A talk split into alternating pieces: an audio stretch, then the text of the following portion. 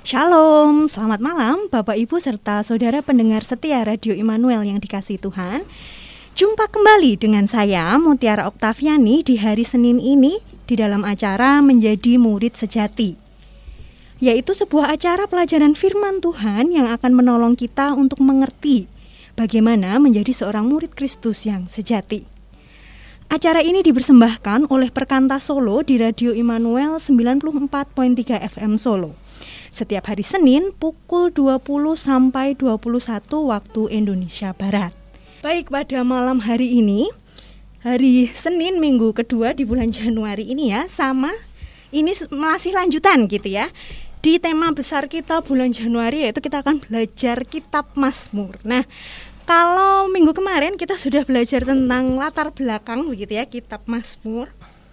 Malam hari ini kita akan melanjutkan pelajaran kita. Nah, istimewanya malam hari ini masih ditemani dengan narasumber yang sama dengan minggu lalu yaitu Bapak Sabda Wahyudi atau mungkin banyak yang uh, kita lebih akrab memanggilnya Mas Dodi. Mari kita sapa terlebih dahulu. Selamat malam Mas Dodi. Halo, selamat malam Mbak Mutiara juga para pendengar semua di rumah. Ya, ini dua minggu berturut-turut ya kita iya. belajar bersama ya. Semoga tidak bosan dengan saya ya. enggak, enggak. Pasti enggak. Karena malam hari ini kita akan belajar tema atau topik yang menarik ya yaitu pergumulan dan pengharapan umat Tuhan dan itu akan kita belajar dari Mazmur 73. Betul ya, ya Mas Dodi? Ya. Gitu. Oke. Baik, kalau begitu langsung saja silahkan Bapak Ibu uh, menyiapkan dulu Alkitab dan catatan kita. Sebelum kita mulai belajar, mari saya hantarkan untuk berdoa. Mari kita sama-sama berdoa.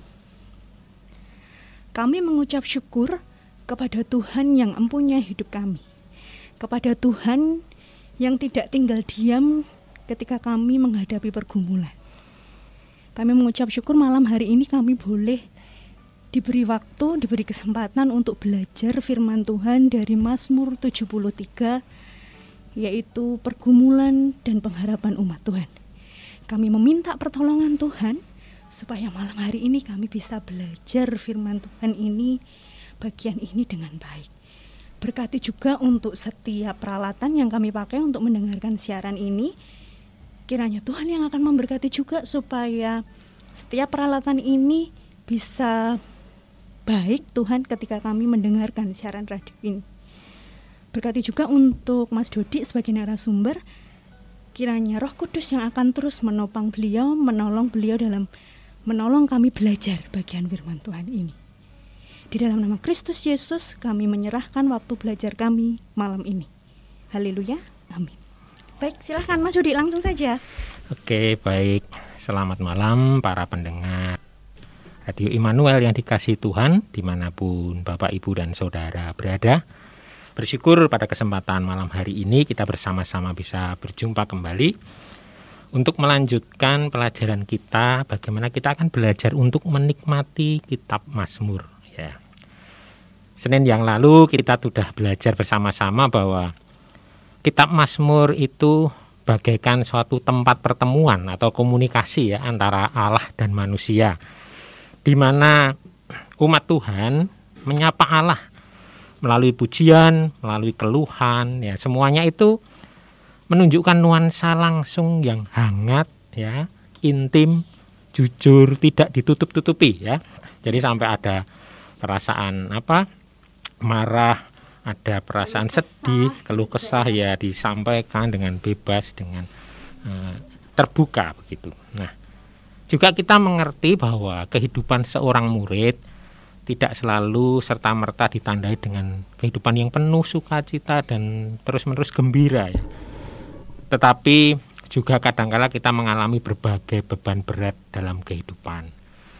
Namun ketika kita jujur kepada Allah, kita berani curhat kepada Allah, menyatakan kondisi kita, emosi kita, maka ibadah itu menjadi kaya begitu ya. Kaya dengan emosi, sukacita ataupun duka cita, senang, susah, tetapi di sela-sela itu ada terus keyakinan begitu. Memang Mazmur tidak hanya berisi pujian dan syukur, juga tidak hanya berisi pengajaran-pengajaran penting saja, tetapi juga ada keluhan-keluhan. Bahkan kemarin kita belajar bagaimana kita belajar untuk apa meratap juga ya Iya. di hadapan Tuhan. nah, Mazmur itu secara keseluruhan 150 pasal itu diawali dengan satu satu perikop yang penting yaitu tentang pentingnya hikmat ya itu di Mazmur pasal 1 lalu lima pasal terakhir itu diakhiri dengan doksologi atau pengagungan nah itu pola yang ada di dalam kitab Mazmur dan di Mazmur yang mau kita pelajari hari ini malam hari ini yaitu Mazmur 73 itu juga kalau saya melihat bagaikan seperti lagu yang sudah diaransemen begitu Mbak Oke. Mutiara ya. Hmm, hmm. Jadi diawali dengan satu ayat tentang Mazmur hikmat. Kemarin kan kita belajar ada Mazmur pujian, Mazmur ratapan, Mazmur ucap syukur, Mazmur raja, Mazmur hikmat. Nah, di ayat yang pertama itu ada hikmat yang penting yang dijelaskan di pasal ini. Lalu setelah itu ada pergumulan-pergumulan. Lalu nanti lalu, lalu nanti disela dengan hikmat lagi begitu. Nah, itu menarik sekali. Kita akan belajar Oke. bersama-sama. Nah, eh, karena mungkin Bapak, Ibu dan saudara pendengar mungkin ada yang di jalan atau tidak selalu di rumah atau mungkin belum membawa Alkitab ya. Saya akan bacakan dulu supaya kita bisa mengerti eh, isi dari Mazmur 73 ini. Saya akan membacakan separuh dahulu ya dari ayat 1 sampai dengan ayat 20 ayat 12 ya. Peng- pergumulan dan pengharapan Mazmur Asaf. Mazmur 73. Sesungguhnya Allah itu baik bagi mereka yang tulus hatinya, bagi mereka yang bersih hatinya. Tetapi aku sedikit lagi maka kakiku terpeleset, nyaris aku tergelincir. Sebab aku cemburu kepada pembual-pembual kalau aku melihat kemujuran orang-orang fasik. Sebab kesakitan tidak ada pada mereka, sehat dan gemuk tubuh mereka. Mereka tidak mengalami kesusahan manusia, dan mereka tidak kena tulah seperti orang lain. Sebab itu mereka berkalungkan kecongkaan dan berpakaian kekerasan. Karena kegemukan, kesalahan mereka menyolok, hati mereka meluap-luap dengan sangkaan. Mereka menyindir dan mengata-ngatai dengan jahatnya. Hal pemerasan dibicarakan mereka dengan tinggi hati. Mereka membuka mulut melawan langit dan lidah mereka membual di bumi. Sebab itu orang-orang berbalik kepada mereka, mendapatkan mereka seperti air yang berlimpah-limpah. Dan mereka berkata, bagaimana Allah tahu hal itu? Adakah pengetahuan pada yang maha tinggi? Sesungguhnya itulah orang-orang fasik. Mereka menambah harta benda dan senang selamanya. Ya. Ini sebagian dari Mazmur pasal 73 yang akan kita renungkan pada malam hari ini. Seperti yang saya ungkapkan tadi di awalnya, ayat 1 ada sebuah hikmat yang sangat bagus sekali. Ayat 1 dikatakan, sesungguhnya Allah itu baik bagi mereka yang tulus hatinya, bagi mereka yang bersih hatinya. Itu di dalam terjemahan baru bahasa Indonesia, di dalam terjemahan eh, NIV New International Version itu dikatakan baik for those who are poor in heart. Jadi dalam eh, baik bagi mereka yang hatinya bersih, yang tulus ya. Itu dari kata bar dalam bahasa aslinya artinya murni, clear, tidak ada tendensi, tidak ada motivasi. Jadi Allah itu baik bagi orang-orang yang ketika datang kepada Allah itu tidak ada motivasi yang tersembunyi, tidak ada tendensi khusus mengapa dia datang kepada Allah. Nah, maksudnya apa? Nah, ayat ini sedikit misteri kalau kita tidak membaca bagian selanjutnya. Nah, ayat selanjutnya, ayat 2 dan ayat-ayat selanjutnya tuh penmasmur menulis tentang sebuah keluhan, yaitu kecemburuan. Ya. Mengapa pemasmur ini mengeluh? Karena ia merasa berhak untuk mendapat ganjaran dari ketaatannya. Dia taat. Dia sudah sungguh-sungguh kepada Tuhan. Tetapi aku cemburu kenapa? Orang fasik itu terlihat lebih mujur, ya. tidak ada kesakitan pada mereka. Mereka gemuk dan mas uh, dan apa namanya tidak mengalami kesusahan, tidak mengalami tulah seperti orang lain. Ya, itu membuat uh, Asaf penulis Mazmur ini merasa cemburu. Nah, kalau kita merenungkan, kita ingat kisah anak yang hilang ya Mbak okay. Mutiara ya. Yeah. Nah, sebenarnya siapa yang hilang ya waktu anak sulung atau anak bungsu? ya pertama anak bungsu terlihat hilang ya karena pergi, dia karena pergi, pergi ya. mau ngambil warisan bapaknya lalu dijual foya-foya sampai habis akhirnya tidak bisa berbuat apa-apa lagi pasrah menyerah akhirnya dia uh, bertobat datang kembali pulang. kepada pepulang. Mm Lalu yang sulung marah. Mm -mm. Kenapa? Adiknya dipestain Loh, gitu adiknya ya. Adiknya dipestain kok aku ndak. Mm -mm. Nah, terus dia marah kenapa? Karena sudah tahu berdosa kok adiknya malah diberi kemewahan yeah, lagi. Mm -mm. Sedang saya yang selama ini ada di rumah baik-baik saja, nurut, gitu ya. nurut kok tidak diberi apa-apa itu gitu. Lala pesta gitu, gitu ya. Mm. Nah, sebenarnya ada motivasi apa di balik yang sulung ini? Mm, nah, okay. yang sulung ini sebenarnya apakah dia sungguh-sungguh mengasihi bapaknya? Hmm. Sepertinya kecenderungan si sulung ini sebenarnya tidak mengasihi bapaknya, tetapi mengasihi harta bapaknya. Hmm, ya, okay, dia ya. ada di situ terus hmm, hmm, hmm. nungguin saya orang baik ya Tuhan, hmm. uh, bapak pasti akan memberi yang baik. Hmm. Kadangkala orang Kristen seperti itu.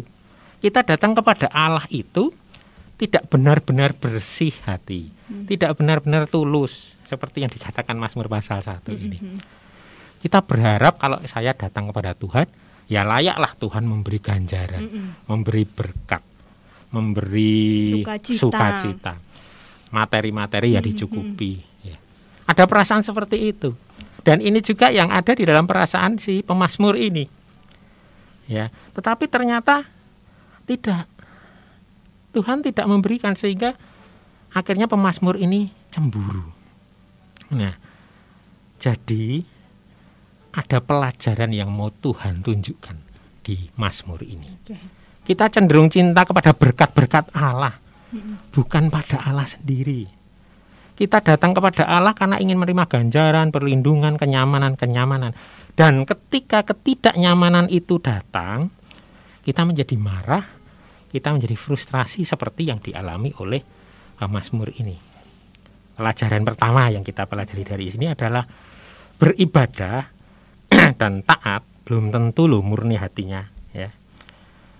Tetapi Allah itu baik bagi yang tulus hati. Artinya bagi orang yang sungguh-sungguh mencintai Allah. Kalau kita mencintai berkat-berkat Allah, apa kita berarti mencintai Allah?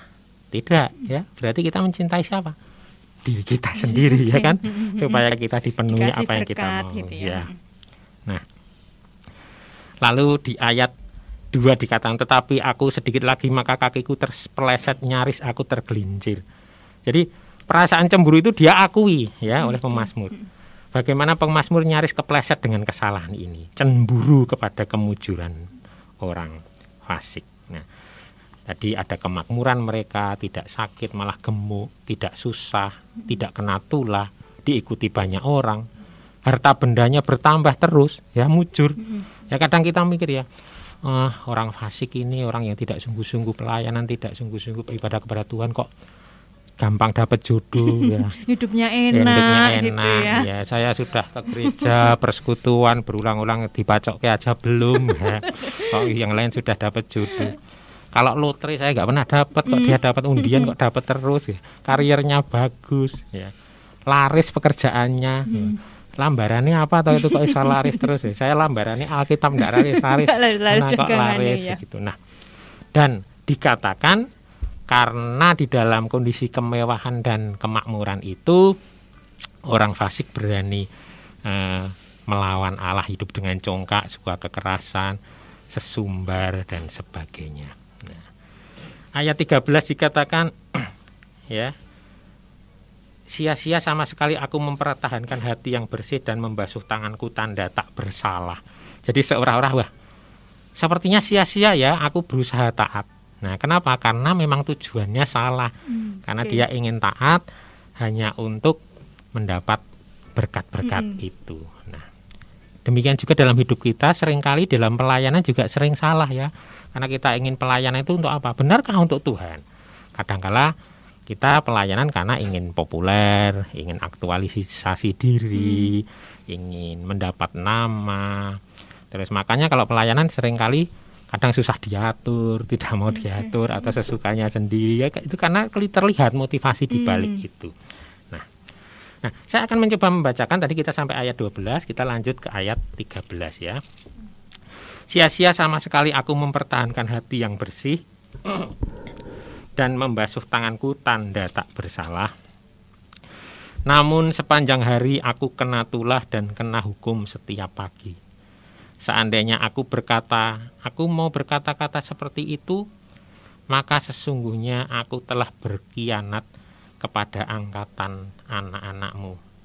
Tetapi ketika aku bermaksud untuk mengetahuinya, hal itu menjadi kesulitan di mataku. Kita sampai di ayat 16 dulu. Nah, di sini dikatakan bahwa dalam pemikirannya pemazmur ini cemburu. Tadi dikatakan sepertinya sia-sia ketika aku mau taat. Lalu dan aku masih terus-menerus mengalami tulah eh, seolah-olah jadi mengalami tekanan hidup begitu. Nah, lalu hampir saja si pemazmur mengatakan aku mau berkata-kata seperti itu maksudnya mau mengungkapkan eh, kecemburuannya itu dengan kata-kata dan marah dengan kondisi itu. Tetapi dia sadar ada satu eh, apa namanya suara hati nurani yang muncul di dalam hati sang pemazmur ini. Kalau aku berkata-kata seperti itu, maka aku telah berkhianat kepada angkatan anak-anakmu, ya, mengkhianati kebenaran. Nah, ini pelajaran yang kedua. Satu yang kita bisa teladani dari pemazmur ini, meskipun dia dalam hati marah, dalam hati punya pertanyaan, tetapi dia terus bertanya kepada Tuhan, dan ada suara di dalam hatinya yang menjagai untuk dia tidak eh, terlepas lalu cemburu dan mengutuki Tuhan dengan semua kondisinya itu.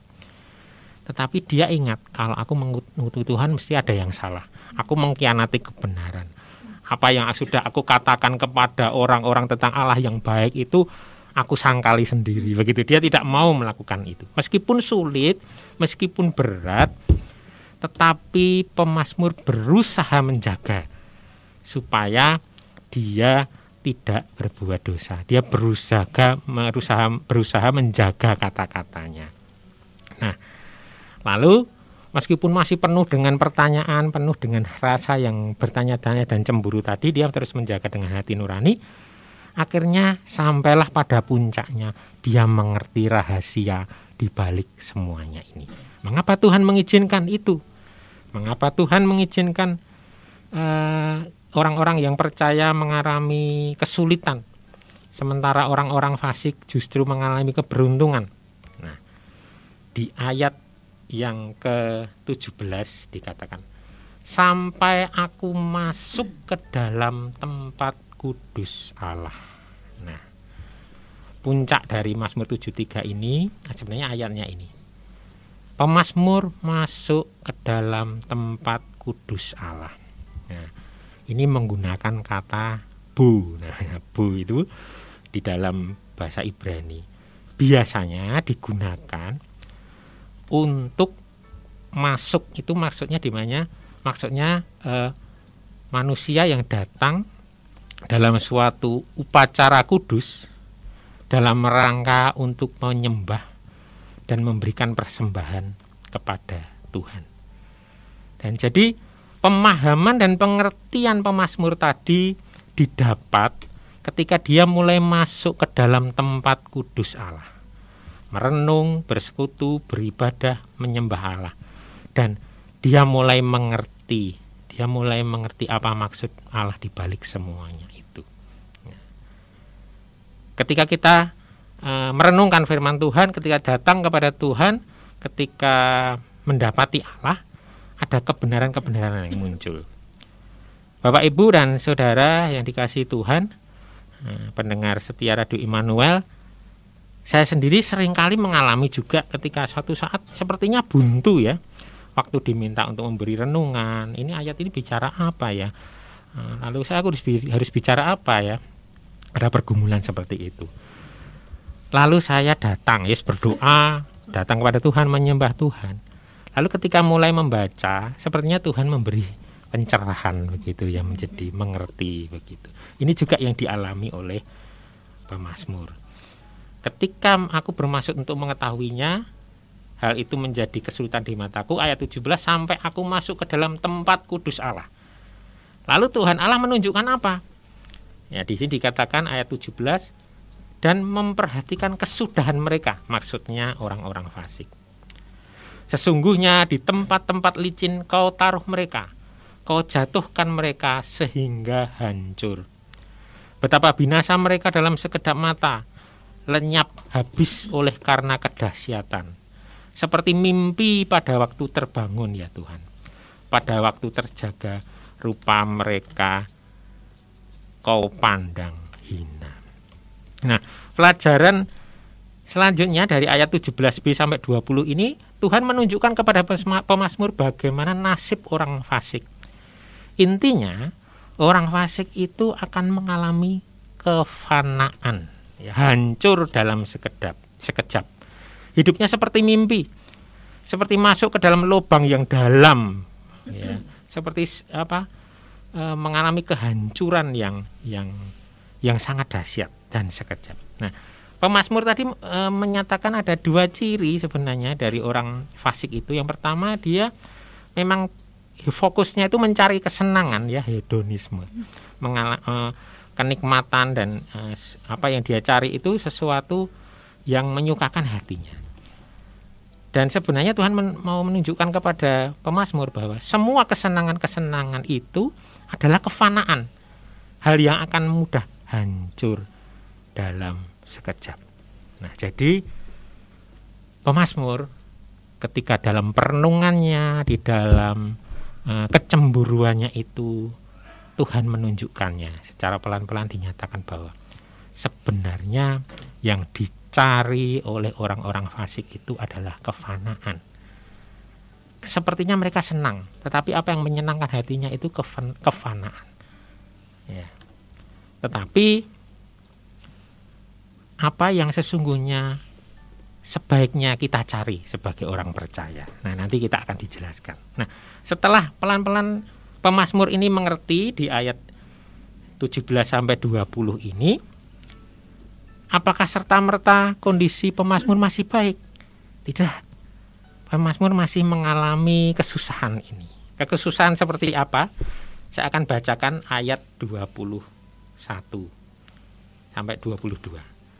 Ketika hatiku merasa pahit dan buah pinggangku menusuk-nusuk rasanya, aku dungu dan tidak mengerti seperti hewan aku di dekatmu. Nah, sampai di sini mulai mengerti bahwa orang fasik itu penuh kefanaan. Tetapi pemazmur juga masih masih belum tahu ya. Dia masih merasa dungu dan masih pahit. Dikatakan buah pinggangku menusuk-nusuk rasa. Nah, di dalam budaya Israel waktu itu buah pinggang itu atau ginjal ya bisa dikatakan hmm. itu mewakili fisik seseorang dan jadi itu mewakili organ penting dalam tubuh manusia. Ingat ya Mazmur itu misalnya sebab engkaulah yang membentuk buah pinggangku menenun aku dalam kandungan ibuku ya di Mazmur 139 ayat 13. Jadi itu menggambarkan tubuh ya. Jadi pemazmur saat ini sebenarnya masih merasa sakit, merasa sedih, merasa mengalami persoalan karena dia merasa pahit, buah pinggang masih menusuk-nusuk, tidak mengerti dungu, tapi dia terus tetap mendekat kepada Allah. Dalam kondisi seperti itu dia tetap mendekat kepada Allah, terus masuk ke dalam tempat kudus Allah, merasa seperti hewan dungu karena juga tidak tahu. Nah, ini yang menarik. Hmm.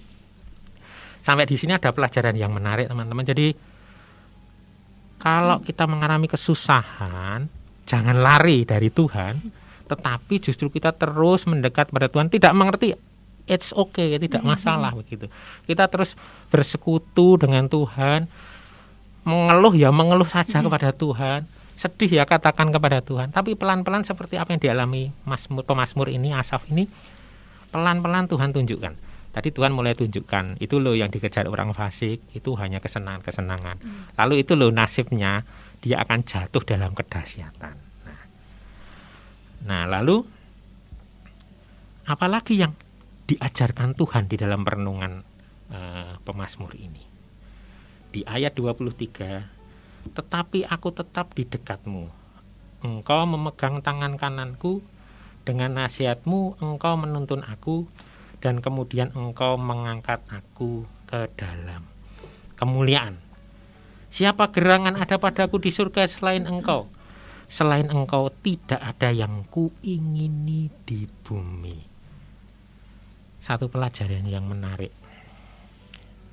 Ketika dia seperti hewan dungu, Permasmir tetap tunduk di dalam kedunguannya itu, tetap berada di dekat Allah, membiarkan tangan Allah memegang, mendengarkan nasihatnya, sampai akhirnya sadar bahwa selain Allah tidak ada yang bisa diingini yang terbaik baginya di dunia ini. Bukan harta benda, bukan kesenangan, bukan milik tetapi ketika orang itu tulus hati datang kepada Allah karena memang mencari Allah, maka di situlah dia akan mengalami sukacita. Kata ini menarik waktu eh, dikatakan bahwa di ayat 24 dengan nasihatmu engkau menuntun aku dan kemudian engkau mengangkat aku ke dalam kemuliaan. Kata kerja yang dipakai di dalam ayat ini menarik. Pada waktu mengangkat ini ini juga kata kerja yang dipakai sama ketika Tuhan mengangkat Henok ya hmm. ketika dia naik uh, apa tidak ada lagi di dunia karena Tuhan mengasihi Henok mengangkat. Lalu juga ketika Elia diangkat dengan kereta berapi ini juga menggunakan kata yang sama. Jadi Allah itu menuntun, menyertai. Nah, dari pelajaran pemazmur ini kita melihat Bagaimana ketika tidak tahu, ketika dungu, tetap dia memutuskan dekat, Allah tetap menuntun, Tuhan tetap menyertai, Tuhan mengasihi sampai di pemazmur ini mengerti bahwa selain engkau tidak ada yang lain. Mungkin tidak mengalami sukacita, mungkin sedang mengalami kesusahan, mungkin sedang mengalami persoalan hidup. Tetapi Allah itu lebih dari segala-galanya. Pemasmur sedang dituntun oleh Tuhan untuk mengerti bahwa Tuhanlah harta yang sesungguhnya, bukan hal-hal yang fana itu. Nah, di sini dikatakan sekalipun dagingku dan hatiku habis lenyap, gunung batuku dan bagianku tetaplah Allah selama-lamanya Sebab sesungguhnya siapa yang jauh daripadamu akan binasa. Kau binasakan semua orang yang bersinah dengan meninggalkan engkau. Tetapi aku, aku suka dekat pada Allah. Aku menaruh tempat perlindunganku pada Tuhan Allah supaya dapat menceritakan segala pekerjaannya. Nah, Bapak Ibu dan saudara para pendengar Radio Immanuel yang dikasih Tuhan, bisa disimpulkan apa yang kita dapat dari Mazmur 73 ini? Yang pertama adalah ketika kita mengalami kemalangan, justru jangan menjauh dari Tuhan. Asah belajar untuk melihat realita kehidupan dalam terang Tuhan. Ya. Seringkali ketika kita mengalami kemalangan justru membiarkan kekecewaan, kebingungan, ketakutan dan akhirnya menarik diri semakin jauh dari Allah itu salah. Tetapi justru dekatlah kepada Allah. Ya. Karena kemalangan itu sering kali merupakan latihan soal ya karena dalam ujian ya. Itu latihan soal yang membawa kepada pemahaman. Itu sebuah pelajaran yang Tuhan izinkan terjadi supaya kita mengerti satu pelajaran baru dalam kehidupan kita. Nah, terus kalau kita masih mengalami persoalan lalu bingung Tuhan kenapa engkau memberi ini memberikan mengizinkan ini terjadi dalam hidupku. Nah, mungkin kita bisa merasa seperti pemazmur tadi merasa dungu begitu ya. Tetapi ketidakadaan jawaban dari Tuhan itu bukan berarti ketidakadaan Tuhan. Ya, saya ulangi, tidak adanya jawaban dari Tuhan bukan berarti Tuhan tidak ada. tetapi justru dalam tidak mengertiannya Asaf tetap terus bersama dengan Tuhan dan pelan-pelan Tuhan menunjukkan jawabannya. Nah, jadi seandainya kita ada banyak dengan pertanyaan yang belum terjawab oleh Tuhan, mari kita memiliki gaya hidup untuk curhat dengan Allah ya. Kita terus-menerus curhat dengan Allah. Nah, pelajaran selanjutnya dari ayat 23 sampai 24 tadi, aku dungu tidak mengerti seperti hewan aku di dekatmu, tetapi aku tetap de di dekatmu. Engkau memegang tangan kananku, engkau menuntun aku, engkau menang mengangkat aku. Subjeknya adalah Tuhan. Ketika seseorang dekat dengan Allah, Allah tetap akan menyertai. Tuhan selalu sebagai subjek ya. Jadi engkau, engkau, engkau. Jadi ketika pemazmur itu dalam kedunguannya tetap dekat pada Allah, curhat kepada Allah, menceritakan persoalannya, lalu dia pelan-pelan mengerti, oh engkau menuntun aku, engkau membimbing aku, engkau menyertai aku, bahwa engkau mengangkat aku di dalam kemuliaan. Nah, berarti meskipun tadi dikatakan Tuhan seperti seolah-olah tidak menjawab, tapi sebenarnya di balik semuanya ini Tuhan selalu aktif dalam seluruh proses pergumulan kita. Tuhan itu selalu aktif dalam proses pergumulan kita akan dia terus bekerja. Ini yang terus harus kita pelajari. Lalu di ayat 25 dan 26 tadi kita belajar Siapa gerangan ada padaku di surga selain engkau? Selain engkau tidak ada yang kuingini di bumi. Sekalipun dagingku dan hatiku habis lenyap, gunung batuku dan bagianku, tetaplah Allah selama-lamanya dari Mazmur ini belajar bahwa harta yang sesungguhnya adalah Tuhan. Ya. Peristiwa kesesakan, peristiwa kesulitan, mungkin kita diizinkan kekurangan, mungkin kita diizinkan sakit, mungkin kita diizinkan kehilangan. Allah sedang mengajar kita bahwa yang paling penting dalam hidup kita adalah Tuhan. Tuhan harta yang sesungguhnya. Ini akan mengubah penilaian kita tentang apa yang baik. Ya dikatakan, tetapi bagiku adalah baik untuk dekat dengan Allah. Ya. Kalau di dalam ayat terjemahan terjemahan baru tadi dikatakan, tetapi aku aku suka dekat pada Allah. Sebaliknya kalau orang fasik tadi dia terus mencari apa yang menjadi kesenangannya dia memang mengejar kesenangan-kesenangan itu tetapi umat Tuhan dia mengejar Tuhan. Tuhan itu cukup bagiku. Tuhan itu yang menyenangkan hidupku. Ya.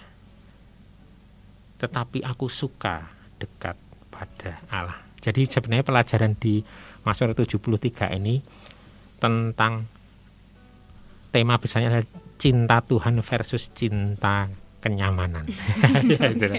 nah, maka ketika orang bisa menemukan bahwa Allah itu baik dengan perasaan yang tulus hati, tidak seperti anak yang sulung tadi, benar-benar mencintai Allah, sebenarnya bukan mencintai harta bendanya, bukan sekedar mencintai berkat-berkat Tuhan, maka dia akan menemukan Allah yang sesungguhnya bagi hidupnya dan dia akan bersuka cita dengan itu. Okay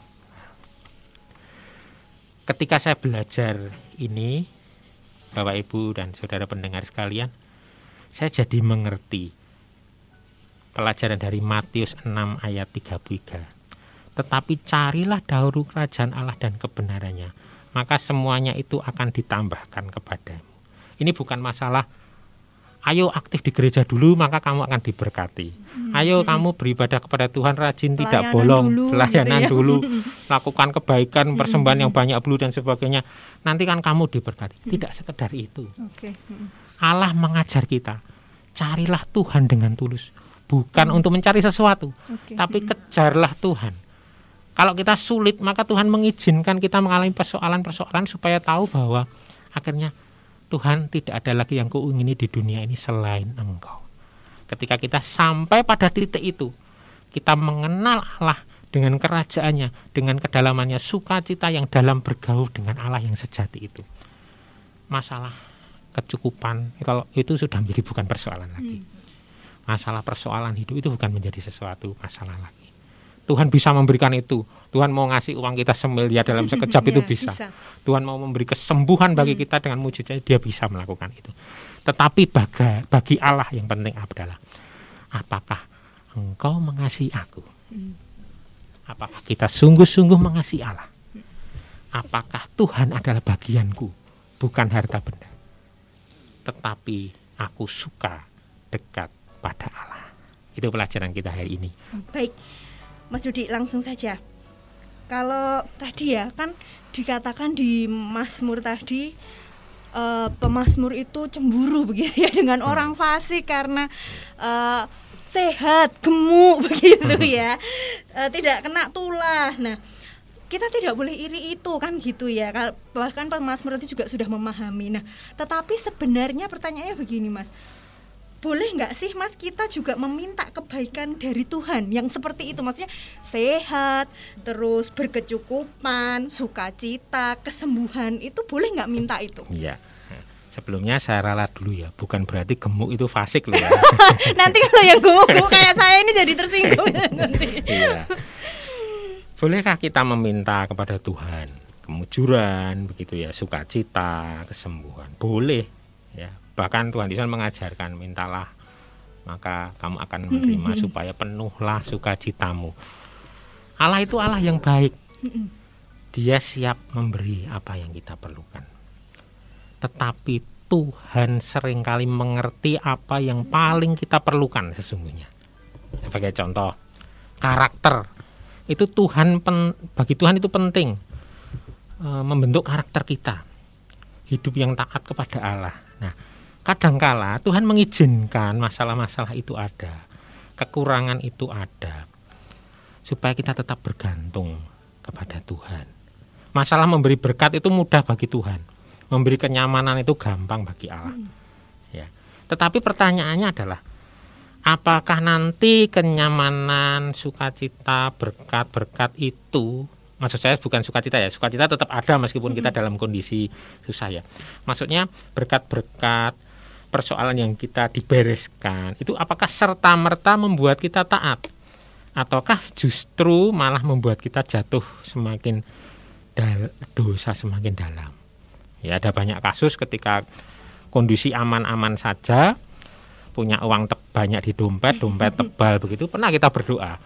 Tapi mungkin kita ah, beli apa-apa ada nggak mungkin kita berdoa untuk hal yang sepele ya. ya ya Tetapi ketika kita nggak punya apa-apa, ketika kita sakit, saya yakin frekuensi doanya itu lebih sering, Hmm, ya toh, Ya. kedekatan kita dengan Tuhan. Nah, karena itu mari kita terus belajar untuk bertumbuh. Kita kejar Hmm. pertumbuhan dan rasa kasih kepada Tuhan yang tulus tadi.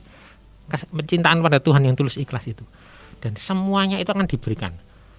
Kalau merasa aku sudah bertumbuh belum ya, boleh berdoa enggak ya? Ya sudah berdoa saja, Oke. tidak masalah. Minta minta kesembuhan aja, aja. minta saja.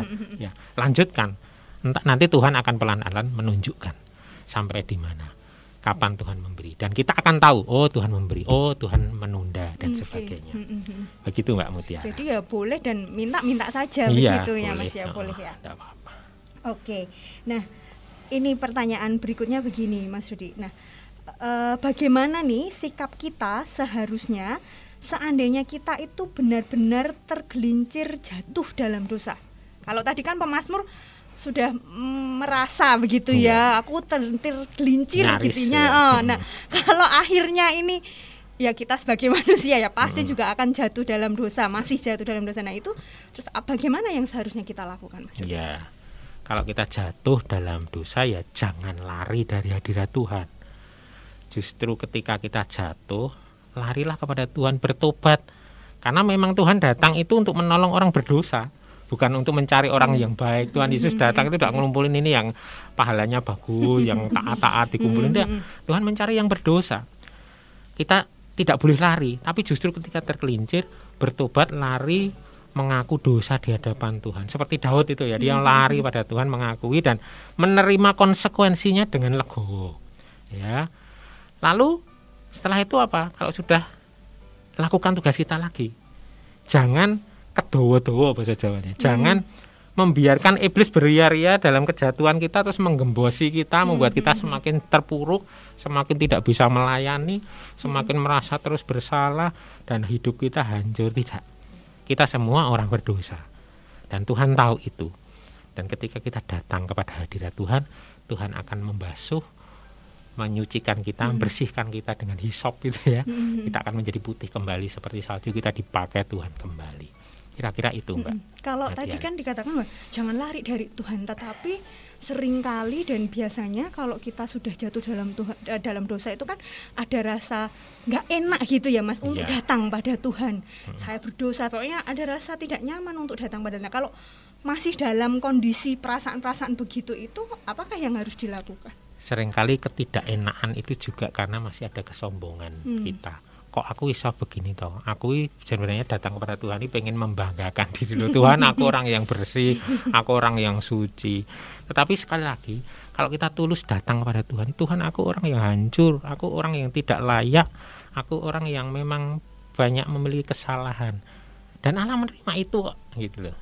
Justru kasih karunia Allah melimpah ketika kita berdosa Kristus telah mati ketika kita berdosa, kita masih berdosa. Ya, jadi it's okay. Kita datang kepada Tuhan, kita mengakui dosa-dosa kita, kita berdobat. Tapi setelah itu, kalau sudah percaya bahwa Tuhan mengampuni, lalu kita seperti apa yang Tuhan Yesus katakan kepada perempuan yang bersinah hmm. itu ya, hmm. sudah jangan berbuat dosa lagi berangkat dia melakukan aktivitas selanjutnya malah justru mengikut Tuhan hmm, hmm, hmm, pakai Tuhan dan okay. selanjutnya. Jadi gitu ya jangan ya. lari pokoknya ya, ya dari Tuhan ya. Baik Mas. Ini begini pertanyaan berikutnya ada begini Mas.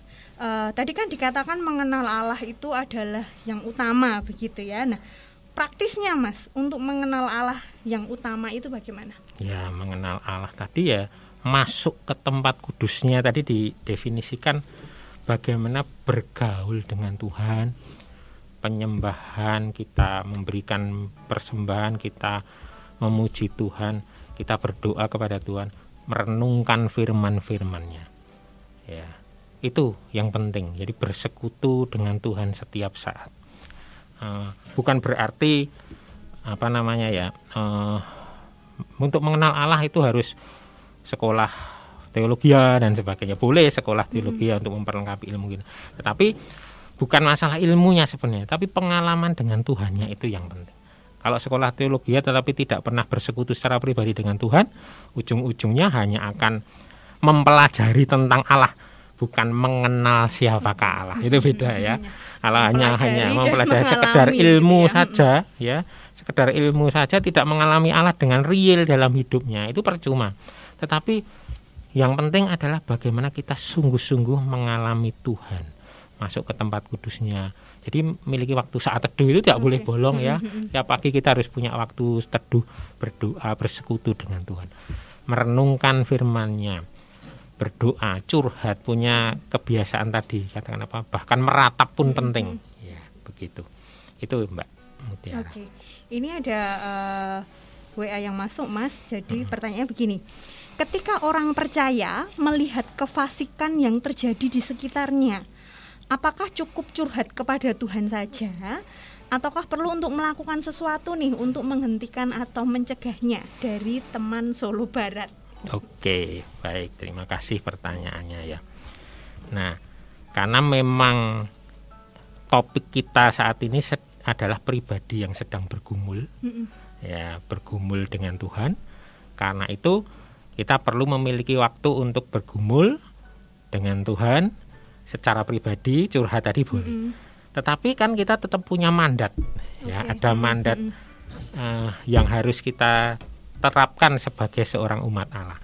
Nah tentunya kita akan melihat sejauh mana Tuhan memberi mandat kita untuk menegakkan keadilan di bumi, mengerjakan pemberitaan Injil, memberikan teladan, menyatakan apa namanya eh, kebenaran firman Allah. Ada yang dipanggil untuk menegakkan keadilan di dalam pekerjaannya, jabatannya, penegak hukum dan sebagainya. Ada yang bertugas memberitakan Injil, ada yang memberikan teladan yang baik, ya itu tetap harus dilakukan. Okay. Ya, itu tetap harus dikerjakan. Pertanyaan yang sangat bagus. Kita tidak berhenti pada relasi vertikal saja dengan Allah, tetapi kita lanjutkan relasi dari dari bekal relasi vertikal kita dengan Allah, maka relasi horizontal kita lebih berkuasa Oke. dengan itu. Oke, ini pertanyaan terakhir ya Mas ya karena waktu juga yang akan memisahkan kita. Jadi eh, pertanyaannya eh, tadi kalau dilihat dari Mazmur 73 eh, apakah keadaan Asaf itu berubah setelah dia meratap, curhat terus juga bahkan sudah dikasih tahu Tuhan, dicelikkan begitu ya.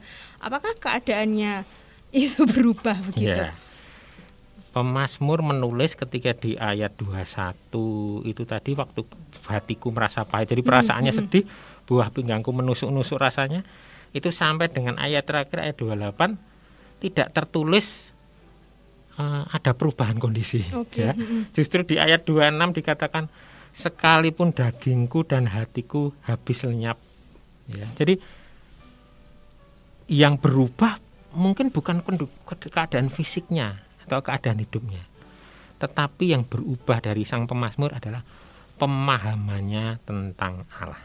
Nah, sebelumnya dia mengidentikan bahwa kebaikan Tuhan, beribadah kepada Tuhan itu berkaitan dengan segala pemberian dan kesenangan hidupnya.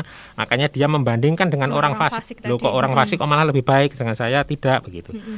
Sekarang dia memahami benar apa yang terbaik. Yang terbaik yaitu mengasihi Allah dengan sungguh-sungguh, mencari Allah, dekat dengan Allah dengan tulus. Ya. Jadi dia belajar bahwa dia bukanlah orang fasik yang jauh dari Allah yang akan dibinasakan. Tetapi dia adalah orang benar yang menyukai hadirat Tuhan. Dia di tengah bahaya dia tetap terus menjadikan Allah sebagai tempat perlindungan. Dan Al- Asaf terus percaya bahwa adalah baik untuk terus mendekat kepada Tuhan. Itu.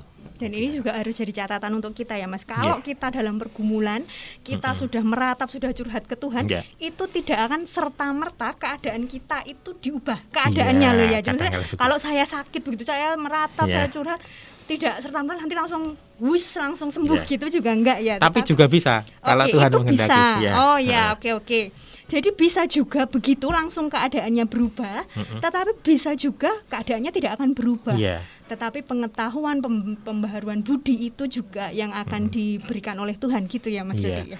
Tetapi pengalaman dengan Allah itu yang utama. Yang lebih utama. Dan kadang-kadang nanti ketika kita masih dalam kondisi yang kesesakan, mm-mm. tetapi ketika kita mengalami Allah secara real, kita tetap bisa bersuka cita, Oke. tetap menjadi berkat, Mm-mm. tetap bisa menjadi sukacita bagi orang-orang sekeliling Dalam kita kondisi dalam kita kondisi itu ya. seperti Iya. itu. Begitu. Oke, baik. Terima kasih Mas Dodi. Sungguh indah sekali pelajaran Iya. kita malam hari ini ya. Namun Bapak Ibu serta saudara pendengar setia menjadi murid sejati, tidak terasa kita sudah satu jam begitu ya. Nah, sebelum kita berpisah, mari kita dengarkan kembali kesimpulan pelajaran kita malam hari ini. Kepada Mas Dodi saya persilahkan, nanti bisa langsung ditutup dengan doa juga. Silahkan Mas Dodi. Baik. Bapak, Ibu, dan Saudara pendengar Radio Immanuel yang dikasih Tuhan, kita belajar hari ini. Bahwa sesungguhnya Allah itu baik bagi mereka yang tulus hatinya, bagi mereka yang bersih hatinya. Allah mengendaki penyembah-penyembah yang sungguh-sungguh mengasihi Tuhan secara tulus, bukan hanya mencari berkatnya, bukan hanya punya motivasi tersembunyi di balik semuanya itu, tetapi kita belajar bahwa orang akan mengalami sukacita, orang akan mengalami kehidupan kerohanian yang benar ketika dia menjadikan Tuhan sebagai harta satu-satunya. Ketika orang mengejar Tuhan itu menjadi hal yang utama di dalam hidupnya, bukan kesenangan, bukan harta benda, bukan eh, hanya masalah-masalah yang mau dicapai materi dan sebagainya, tetapi menjadikan Tuhan sebagai harta sesungguhnya. Dia akan mengalami sukacita itu. Dan itu pun menjadi jawaban tentang carilah dahulu kerajaan Allah dan kebenarannya. Maka semuanya itu akan ditambahkan kepadamu. Allah mudah memberikan kesembuhan, mudah memberikan berkat, mudah untuk memberikan kita kesuksesan. Tetapi yang paling penting bukan hal itu. Yang penting adalah apakah kita sungguh-sungguh mencintai Tuhan dengan tulus hati dan Allah akan terus memproses kita supaya kita bisa mengasihi Dia dengan setulus hati. Amin. Mari kita berdoa bersama-sama. Tuhan terima kasih untuk kebenaran yang begitu indah yang boleh kami mengerti. Bahwa selain Engkau tiada yang lain di bumi ini yang kami kejar, yang kami rindukan. Engkau adalah segala-galanya ya Tuhan bagi hidup kami. Ajari kami untuk mengerti akan hal itu. Ketika Tuhan memberi kami berbagai kewajiban di dalam bekerja, mengerjakan mandat budaya, dalam menegakkan keadilan, di dalam bekerja mencukupi kebutuhan keluarga. Biarkan hati kami tetap terarah tertuju bahwa engkaulah yang terutama, bukan materi, bukan harta benda. Karena kami percaya bahwa Tuhan akan mencukupkan, menyehatkan dan menguatkan kami. Tetapi hal yang terpenting Tuhan, ajari kami untuk mengejar yang terutama, yaitu mengasihi Engkau dengan segenap hati, segenap jiwa, dan segenap akal budi kami. Terima kasih untuk pelajaran hari ini Tuhan. Berkati setiap pendengar di mana pun berada, supaya kuasa Tuhan, roh Tuhan terus menyertai mereka masing-masing, mencelikkan mata hati kami, dan boleh mengerti kebenaran yang sejati. Berkati semua kru dan alat-alat di radio Immanuel ini boleh terus menjadi berkat bagi umatmu di mana pun berada. Di dalam nama Tuhan Yesus Juru Selamat kami yang hidup, kami sudah berdoa. Haleluya. Amin. Baik, terima kasih Mas Dodi untuk pelajaran firman Tuhan kita malam Sama-sama, hari ini. ya. Nah, demikian tadi Bapak Ibu serta Saudara yang dikasih Tuhan, acara menjadi murid sejati malam hari ini. Kita akan jumpa lagi minggu depan masih dengan menikmati kitab Mazmur.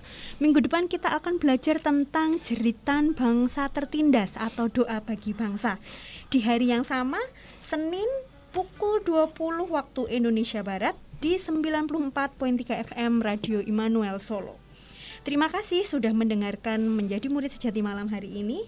Sampai jumpa dan Tuhan Yesus memberkati.